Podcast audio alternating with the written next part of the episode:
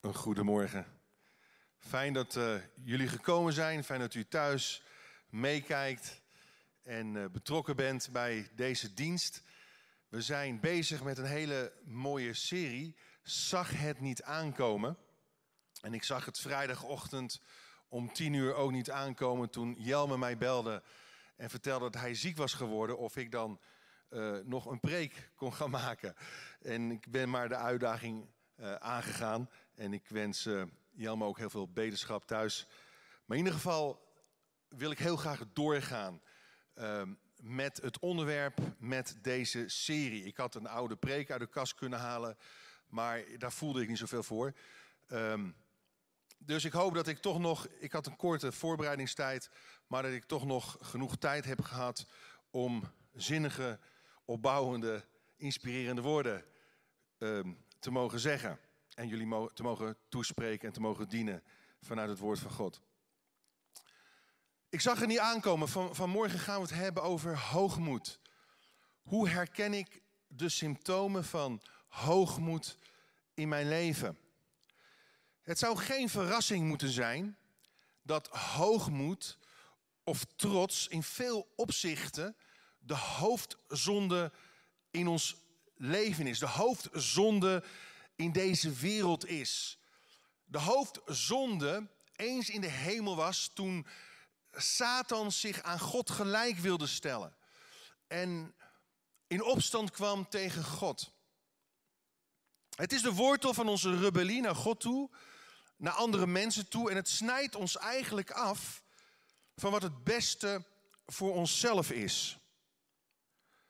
Hoogmoed is eigenlijk heel makkelijk te spotten. Is heel makkelijk te ontdekken. Je kunt het heel snel herkennen, hoe subtiel het ook is. Eerlijk gezegd, het is vooral heel snel te zien bij andere mensen. En wat minder bij jezelf. Je ziet het voortdurend om je heen. Je kent misschien mensen die te trots zijn om, om, om advies of hulp te vragen. Terwijl ze het heel hard nodig hebben. Keihard nodig hebben. Dan denk je, toe nou. Vraag nou om, om, om advies. En ze doen het niet. Ze zijn daar te trots voor. Of je ziet mensen die elke keer weer over zichzelf opscheppen. En zich eigenlijk voor hun prestaties en hun resultaten in het leven op de borst slaan. Kijk mij nou toch. Kijk nou toch hoe goed ik ben. Of je kent mensen die op zichzelf gefocust zijn en totaal geen interesse voor andere mensen hebben. Egocentrisch door het leven gaan. En geen rekening houden met, met behoeften, belangen van anderen. Maar, maar hoe zit het eigenlijk met jou? Hoe zit het eigenlijk met mij? En, en wat voor emotie zit er vaak onder hoogmoed? Ik zou je dit zeggen. Het wordt heel vaak door onzekerheid gestuurd. Onzekerheid in mensen is de, de brandstof voor hoogmoed. Want door, door grootspraak wordt onze onzekerheid of misschien wel onze minderwaardigheid gecamoufleerd. Het wordt wat bedekt. En hoogmoed leidt tot cynisme. Het legt de basis voor disconnectie en irrelevantie in je leven. Eigenlijk raakt dit onderwerp alle andere thema's in deze serie aan zag het niet aankomen. Misschien zie je het niet aankomen dat hoogmoed je hart binnensluipt. Op, op, op slinkse manieren. Kortom, een hoogmoedig leven zal heel veel dingen in ons leven kapot maken. Het zal je afsnijden van invoelingsvermogen. Het zal jaloezie en afgunst in jou opwekken. Het zal, het zal je passie verstikken en belemmeren. Het zal verdeeldheid in, in je relaties creëren. Dus wat zijn nu de symptomen voor hoogmoed? Check. Allereerst, je vergelijkt jezelf met anderen vanuit een veroordelende houding. Weet je, hoogmoed verblindt. Het verblindt je sowieso je voor je eigen zwakheden. Het doet je wijsmaken dat je trots mag zijn op je eigen nederigheid. Je dankt God stiekem dat je niet zoals die andere mensen bent. Dus jij bent in feite beter. Je kunt het vergelijken met de gelijkenis van de, de fariseeën en de tollenaar. De fariseeën die dankte dat hij niet zo was als die zondige tollenaar. En die zondige tollenaar de hoek van de straat, die knielde op de grond en die smeekte God om genade. Wees mij genadig, Heer. Ik heb uw hulp nodig. Ik heb uw redding nodig. Ik heb uw vergeving nodig. En die tollenaar ging rechtvaardig in feite naar huis in de ogen van God. Maar waarom, waarom doen we dat? Waarom, waarom denken we dat? Dat we beter zijn dan die anderen? Omdat jij niet die cocaïne snuivende buurman bent. Maar ondertussen stop je jezelf vol met comfortfood om je eigen leegte en pijn te vullen. Of omdat jij denkt moreel beter te zijn. Want jij pleegt geen overspel, zoals jouw collega. Maar ondertussen kun je je ogen niet afhouden van andere mannen of vrouwen. En voor jezelf, en dat is het probleem, zoek je allerlei excuses om je te rechtvaardigen. Zelfrechtvaardiging. Misschien wel als je negatief spreekt over andere mensen. Maar als iemand anders iets negatiefs over jou zegt, dan ben je verontwaardigd. Dan, dan, dan, dan zak je weg in, in het drijfzand van zelfmedelijden. Ach, arme ik. En we kijken zo makkelijk op andere mensen neer. We waren vorig jaar um, toevallig in Laren. Ik was bij mijn zus in Hilversum geweest. En ik was daar met mijn gezin en er was een soort dorpsfeest. En er zijn allemaal bekende Nederlanders die daar wonen. Maar het is gewoon een heel leuk dorpje. En, en we hoorden daarvan. We dachten, nou, we gaan gewoon eens even kijken. En toevallig was daar Sander Buissonzé. Buissonzé. Ik weet niet of ik het goed uitspreek. Maar uh, een bekende zanger. Die uh, daar ging optreden. Ik ben heel eerlijk. Ik dacht, oh nee, die akelige vent. Die arrogante kwast. Wat een kwal is dat.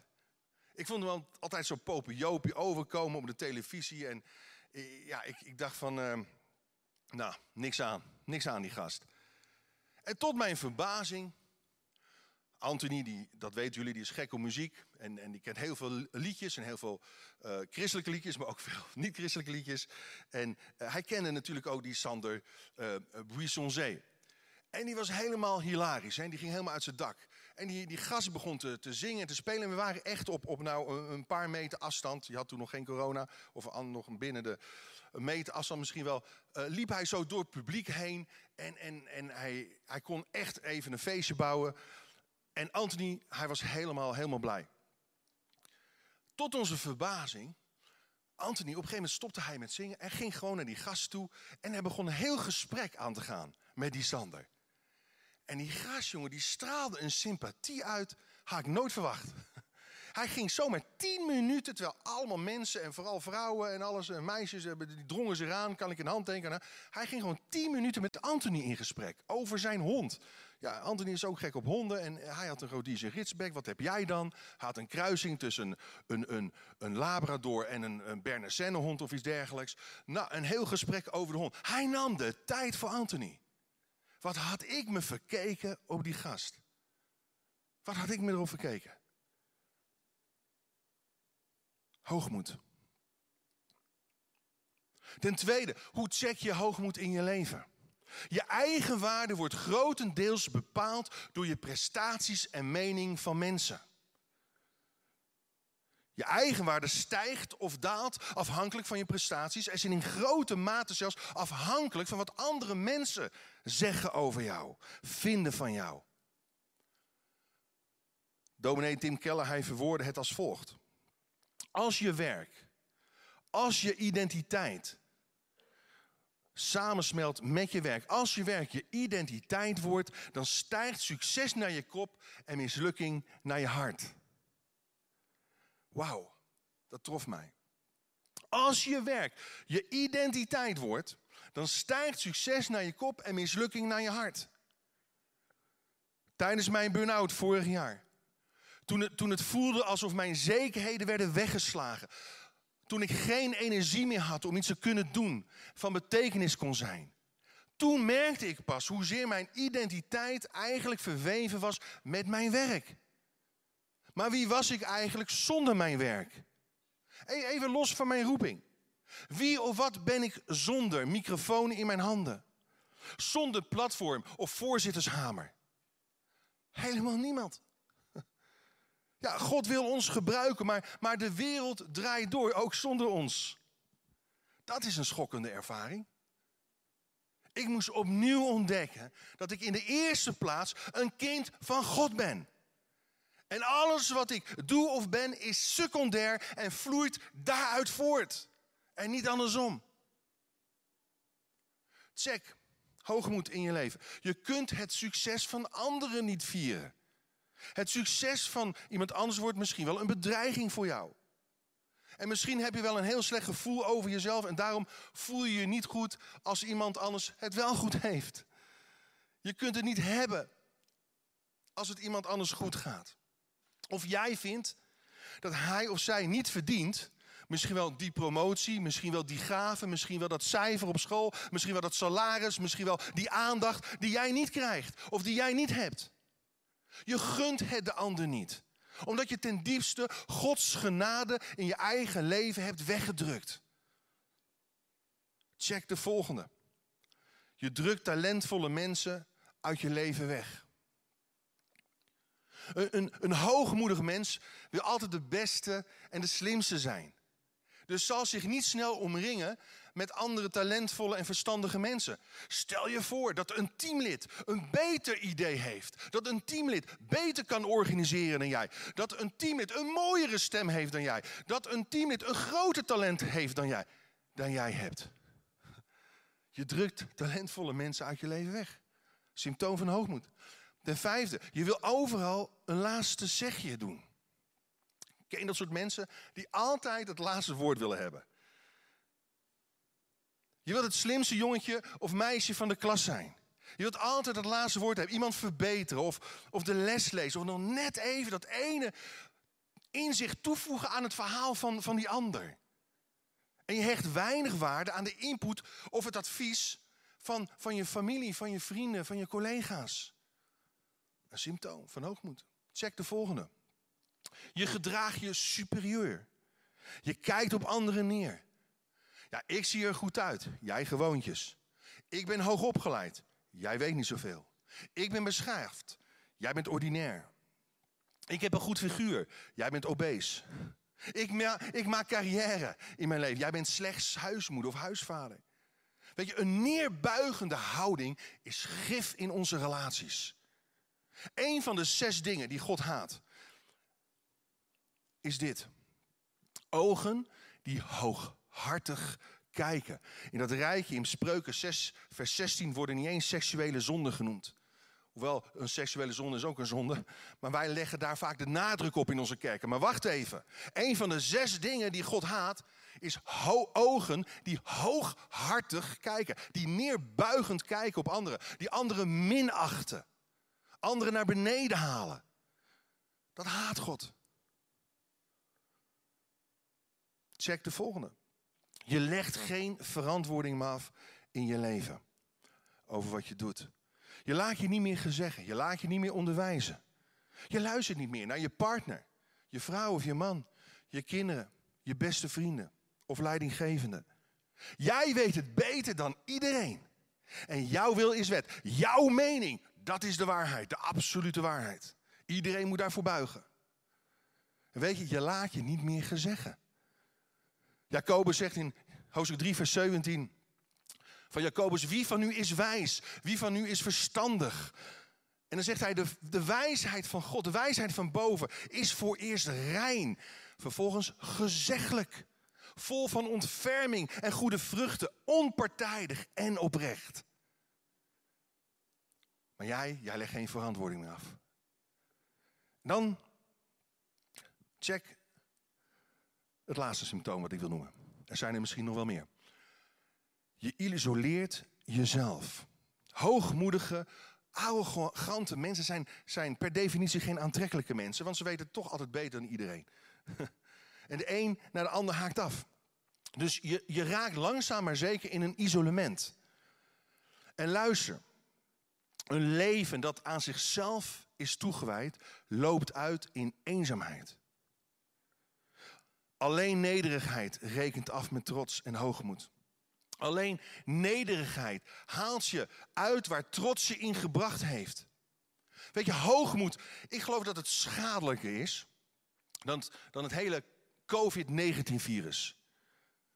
En het enige vaccin tegen het virus van hoogmoed is ingespoten worden met de nederigheid van Jezus Christus.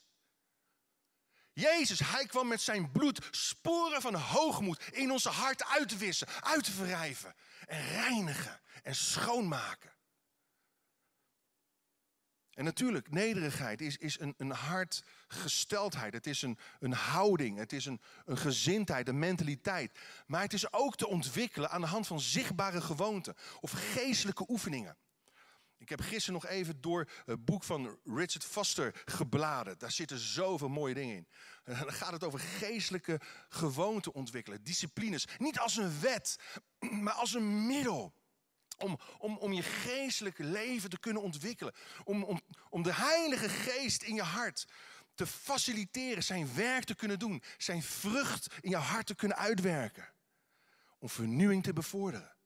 En zo, zo wil ik dit ook zien. Als, als, als geestelijke disciplines.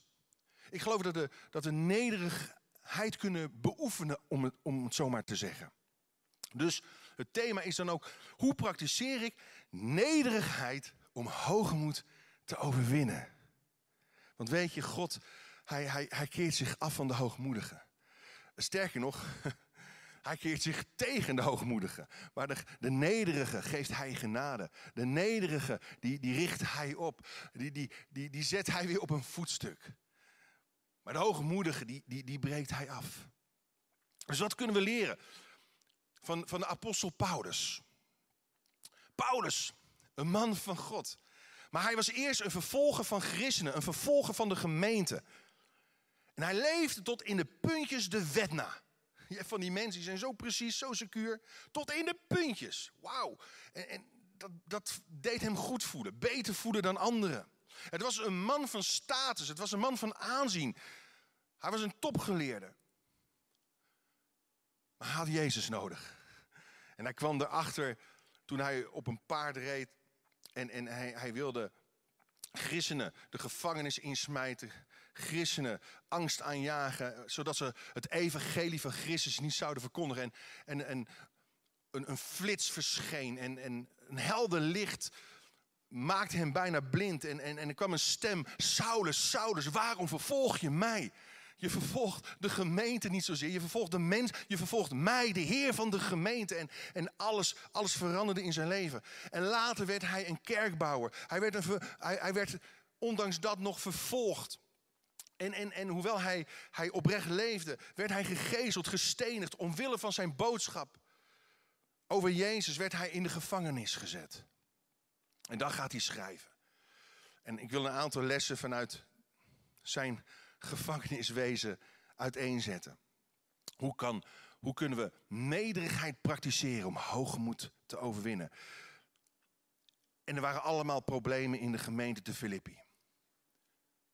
Hij schrijft aan de Filippenzen. Er was oneenigheid, er was verdeeldheid. Maar wat gaat hij doen? Allereerst, plaats vreugde en dankbaarheid tegenover hoogmoed als je aan God en mensen denkt.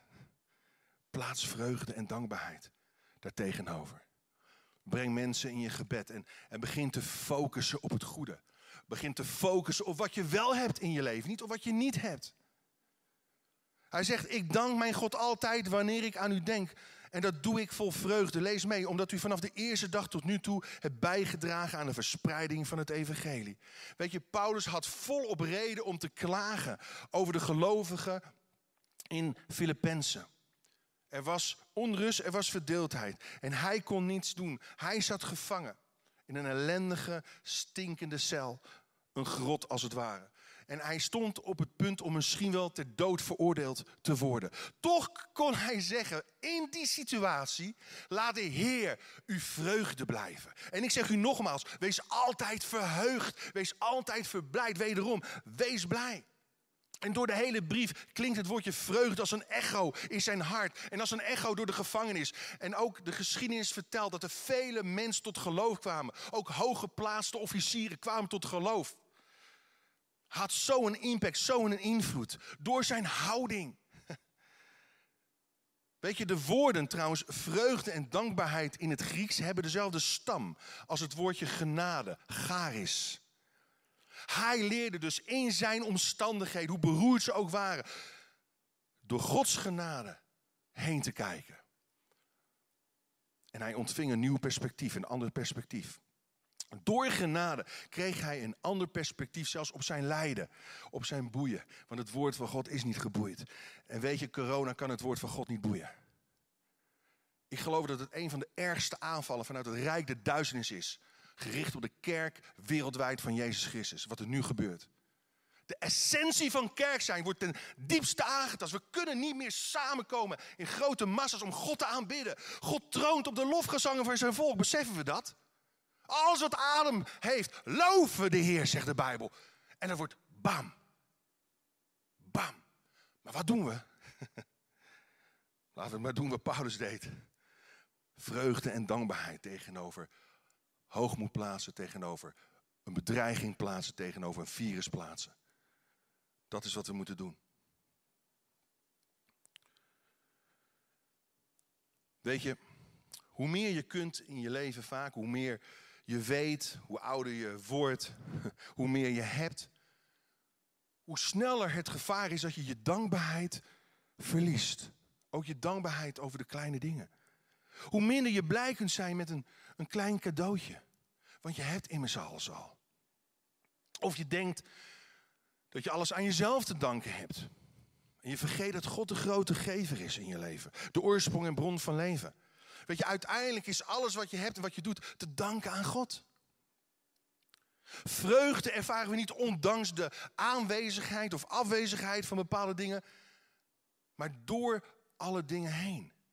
En het mysterie of geheim is het element van genade, oftewel Gods voorzienigheid. God voorziet, God voorzag in een lam. God voorzag in een zoenoffer. God voorzag in een middelaar. God voorziet in uitkomsten tegen de dood. Weet je, dit is verrassend. De plaats waar je vreugde lijkt te worden weggezogen, kan de plaats worden waar God je vreugde herstelt. En negatieve omstandigheden buigt God om in een positief resultaat. Verslagenheid buigt God om in vreugde. En vreugde en dankbaarheid bevordert nederigheid in je leven. Waarom? Omdat het jezelf uit het middelpunt van je leven haalt. En Christus in het middelpunt plaatst. Het verplaatst de focus van jezelf naar God toe. Dus hoe kun je vreugde en dankbaarheid stimuleren in je dagelijks leven? Nou, druk je dankbaarheid, maar ook je waardering naar anderen toe regelmatig uit. En erken in het openbaar het elementen van genade, Gods genade in alles wat je doet. David zei: Loof de Heer, mijn ziel. En vergeet niet één van zijn weldaden. Vergeet niet één van de dingen die hij gedaan heeft. Die uw leven heeft verlost van de groeven. Die u kroont met goede tierenheid en met barmhartigheid. Dus dankbaarheid en, en vreugde, plaats dat er tegenover. Als je, als, je, als je aan God en mensen denkt. En dan ten tweede, beschouw in alle nederigheid, lees mee, de ander hoger als hoger dan jezelf. Filippenzen 2, vers 2. Maak mijn vreugde dan volledig door uw eenheid van denken, uw eenheid in de liefde, uw saamhorigheid en eensgezindheid. Geef niet toe aan partijzucht en ijdelheid, maar beschouw in alle nederigheid de ander als hoger dan uzelf. Hoe, hoe moeilijk is dat? En de vraag meteen die ik dan heb, ja, hoe doe je dat? De ander hoger dan jezelf beschouwen. Weet je, hoogmoed kijkt op andere mensen neer. Nederigheid kijkt naar mensen op. Ongeacht hun opleiding, ongeacht hun afkomst, hun kleur, hun achtergrond, hun status, hun inkomen. Maar hoe, hoe praktiseer je nou zo'n houding? Je slaat anderen hoger aan dan jezelf door af te rekenen met geldingsdrang, oftewel partijzucht en eigenwaan, oftewel ijdelheid. Dus zeg nee tegen geldingsdrang. Zeg nee. Geldingsdrang betekent hier letterlijk vanuit de grondtekst vertaald de overhand proberen te krijgen door slinkse tactiek. En, en dit woordje kan ook vertaald worden met rivaliteit. Kijk, er is een verschil tussen rivaliteit en ambitie. Ambitie is de wil om te slagen waarin op zich niets verkeerd schuilt. Maar wat niet deugt, is zelfzuchtige ambitie. Hierdoor ontstaat er vaak verdeeldheid en onrust in relaties. En zeg vervolgens nee tegen eigenwaan. Je kent het wel, je, je, doet misschien stiekem iets om gezien te worden. Of je wil opgemerkt worden. Of, of je bent verliefd op de schijnwerpers. Of, of de status. Of het aanzien. Weet je, het woordje, woordje eigenwaan betekent letterlijk holle, lege glorie. Het is leeg. Toch is aanzien voor veel mensen een grote verleiding. Bewondering oogsten. In het gevlei zijn bij anderen. Een gezaghebbende mening hebben. En dat zijn dingen die bij heel veel mensen op, op heel hoog op hun verlanglijstje staan. Maar reken daarmee af. Zet er een streep doorheen. Het is hol, het is leeg. Stelt niets voor. Dan ten derde. Hoe pak ik die hoogmoed aan? Hoe praktiseer ik nederigheid? Besteed ten derde doelbewust aandacht aan de belangen van anderen en niet alleen aan die van jezelf. Paulus zegt, heb niet alleen uw eigen belangen voor ogen, maar ook die van de ander. En laat onder u de gezindheid heersen die Christus Jezus had. Sommige mensen doen alleen iets om er, om er iets voor terug te krijgen. En hun uitgangspunt is hun eigen belang dienen. Hoogmoed weerhoudt ons ervan om de belangen van anderen voor ogen te houden. En Paulus zegt niet dat we geen eigen belang voor ogen mogen hebben. Hij zegt letterlijk dat we niet alleen ons eigen belang in het vizier moeten hebben. In het vizier. Jacobus, er staat in Jacobus 3, vers 14. Maar, maar als u door jaloezie en eigen belang, ik onderstreep het eigen belang, vol wrok zit, kunt u zich nergens op beroemen. Hij zegt, want jaloezie en egoïsme lijken in de verste verte niet op Gods wijsheid. Zij zijn aards, ongeestelijk en duivels. Waar jaloezie en eigen belang zijn, vindt u wanorde en meer van dat soort kwaad. Dus zeg ja tegen het belang van de ander.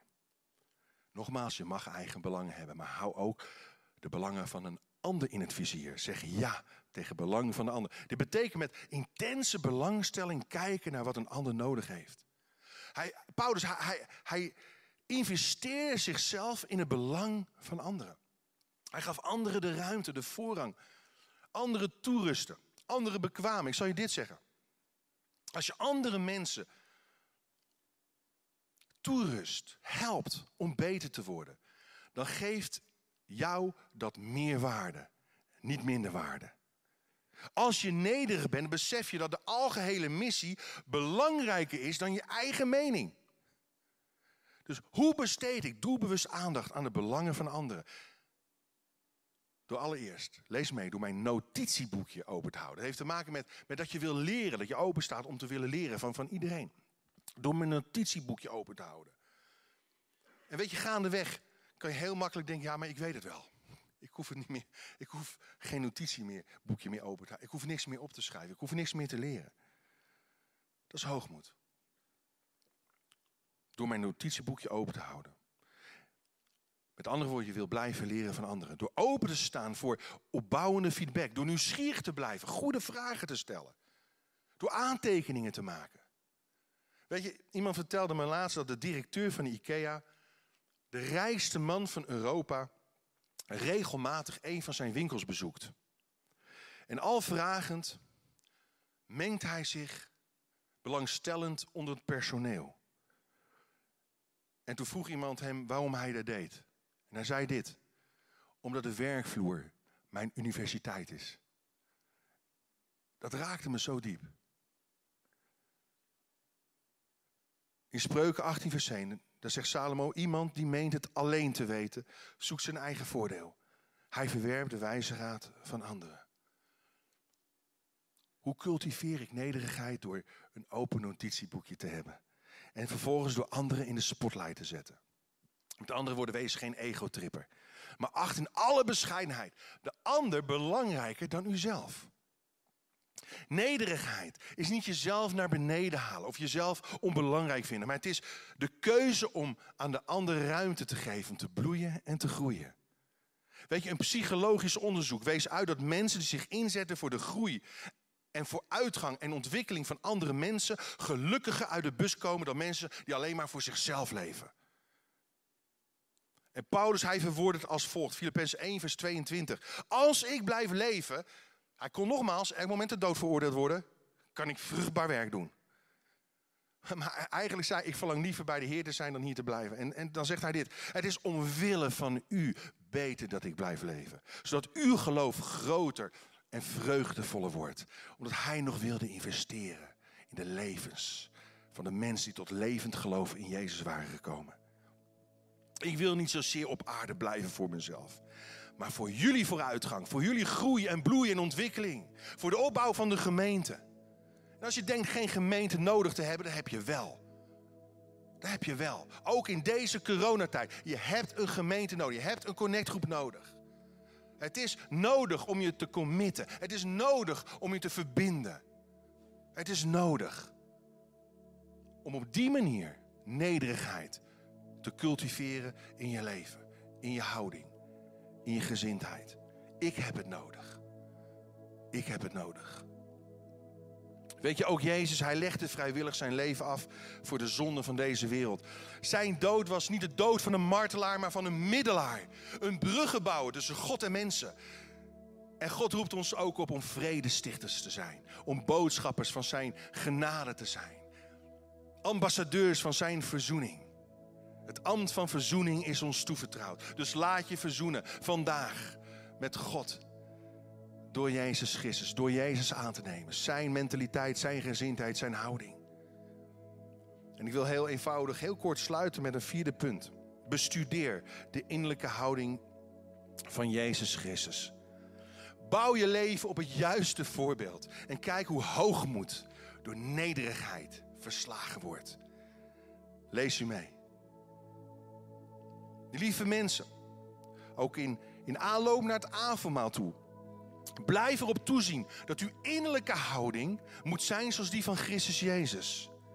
Die, hoewel hij de gestalte van God had, zich niet heeft vastgeklampt aan zijn goddelijke rechten. Integendeel, hij legde zijn grote macht en heerlijkheid af. Hij nam de gestalte aan van een dienaar en werd een mens. Herkenbaar als mens vernederde hij zich en gehoorzaamde tot het uiterste. Zelfs tot in het dood aan het kruis. En daarom heeft God hem de hoogste plaats en de allerhoogste titel gegeven. Zodat in de naam van Jezus iedereen in de hemel en op aarde en onder de aarde zijn knieën zal buigen en tot eer van God de Vader openlijk zal erkennen. Jezus Christus is de Heer. Jezus hij ging voor goud. Een winnaar van Olympisch goud zei eens dit. Ik geloof dat het enige verschil tussen goud en zilver je innerlijke houding of mentaliteit is, niet je talent. Niet zozeer je vaardigheden. Dus mijn vraag is vandaag aan jou. Ga je voor brons, ga je voor zilver of ga je voor goud? En als je voor goud gaat, dan ga je voor de gezindheid die in Jezus heerste. Jezus, Hij investeerde zijn leven voor jou en voor mij. Om ons deelgenoot te maken aan zijn goddelijke natuur, aan zijn hemelse roeping. Hij vernederde zich voor jou, om jou te verhogen. Hij vergaf jouw zonde, om jou te vernieuwen. Wil je met mij bidden? Zullen we onze hoofden buigen, onze ogen sluiten, ook als je thuis bent. Je kunt ook digitaal aangeven als je gebed nodig hebt op dit moment. Als je een keuze wil maken voor Jezus. Als je opnieuw wil geven aan Hem. Als je, als je zegt, Heer, wist die sporen van hoogmoed ook in mijn leven uit. Heer, verwijder die trots uit mijn hart. Heer, maak mij zacht. Geef mij een nederig en zacht, moedig hart. Zoals u dat had. En op dit moment wil ik gewoon dat je meebidt. Heer Jezus, dank u wel dat u in mijn hart, in mijn leven wil komen. Heer, dat u mij wil vernieuwen. Dat u mij opnieuw wil aanraken.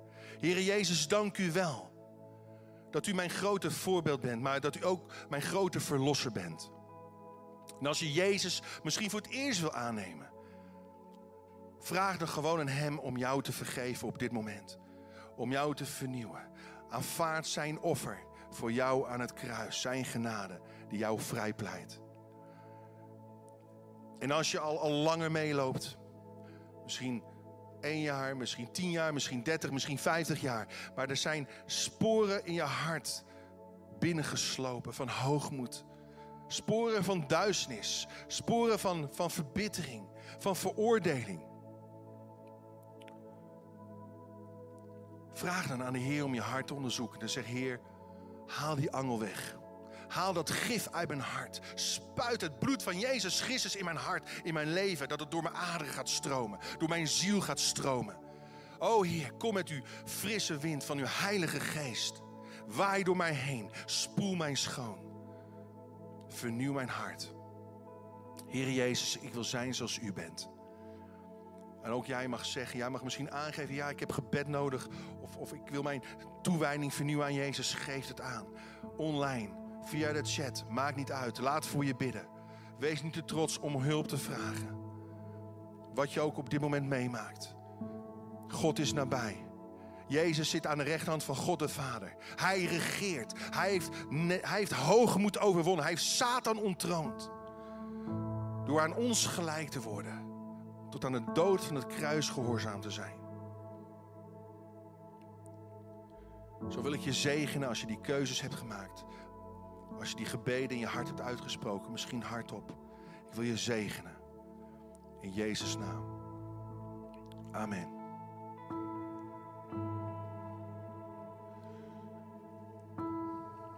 De Heer Jezus, hij uh, stelde het avondmaal in. En uh, dat was in de nacht dat hij verraden werd door Judas.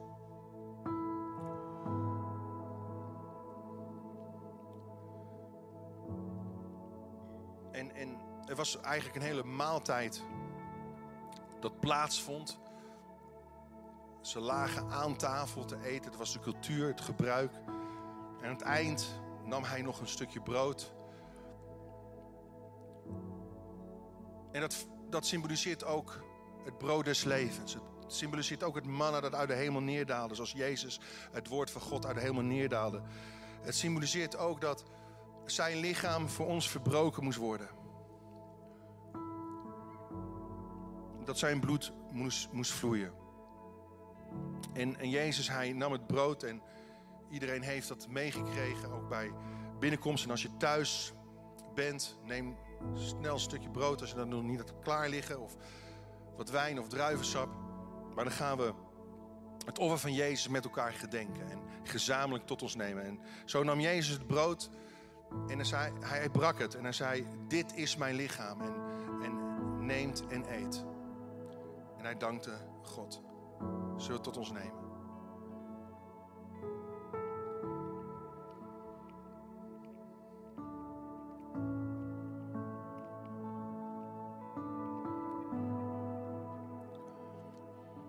Ja, Heer Jezus, dank u wel voor dat offer dat u bracht. Door uw streamen hebben we genezing ontvangen. U bent de Messias, Yeshua Messias. U bent degene die terug zal komen, spoedig terug zal komen. En Heer, dank u wel dat u werd verbrijzeld om, om ons te kunnen vergeven. Om ons het recht te geven kinderen van God te zijn. Niet door eigen werk, niet op eigen prestaties, maar door uw genade alleen. In Jezus' naam, Heer, dank u wel daarvoor. Dank u, Heer, dat u ook de beker nam. En de beker symboliseert het bloed van Jezus. Het nieuwe verbond dat door zijn bloed bekrachtigd werd. En Jezus, hij nam ook de beker en hij liet die rondgaan en ze dronken eruit. En ze gingen lofliederen zingen. Het halal. Psalm 113 tot en met 118 gingen ze zingen. En, en al zingende gingen ze naar de Olijfberg. En daar werd hij uiteindelijk gevangen genomen. Voor onze sterven. Om de vreugde welke voor hem lag, heeft hij de schande van het kruis gedragen. Om de vreugde, die vreugde, dat, dat mogen wij zijn. Mensen die gered, verlost zijn door zijn bloed. Gered met een eeuwige verlossing door wat hij deed. En, en we, we, drinken ook uit de beker om te beseffen dat Jezus weer terug zal komen. En dat er een nieuwe hemel en aarde zal komen. Waar geen dood, geen ziekte, geen pijn, geen rouw, geen ellende meer zal zijn. Dat is, dat is ons vooruitzicht dankzij eigenlijk het offer van, van Jezus Christus. En dat prediken we, dat verkondigen we door het avondmaal heen. En we beleiden onze eenheid met elkaar. Zo, drink ook uit de beker.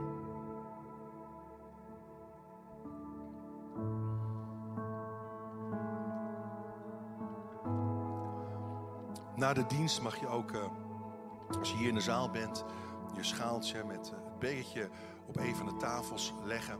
Uh, achter bij de uitgangen.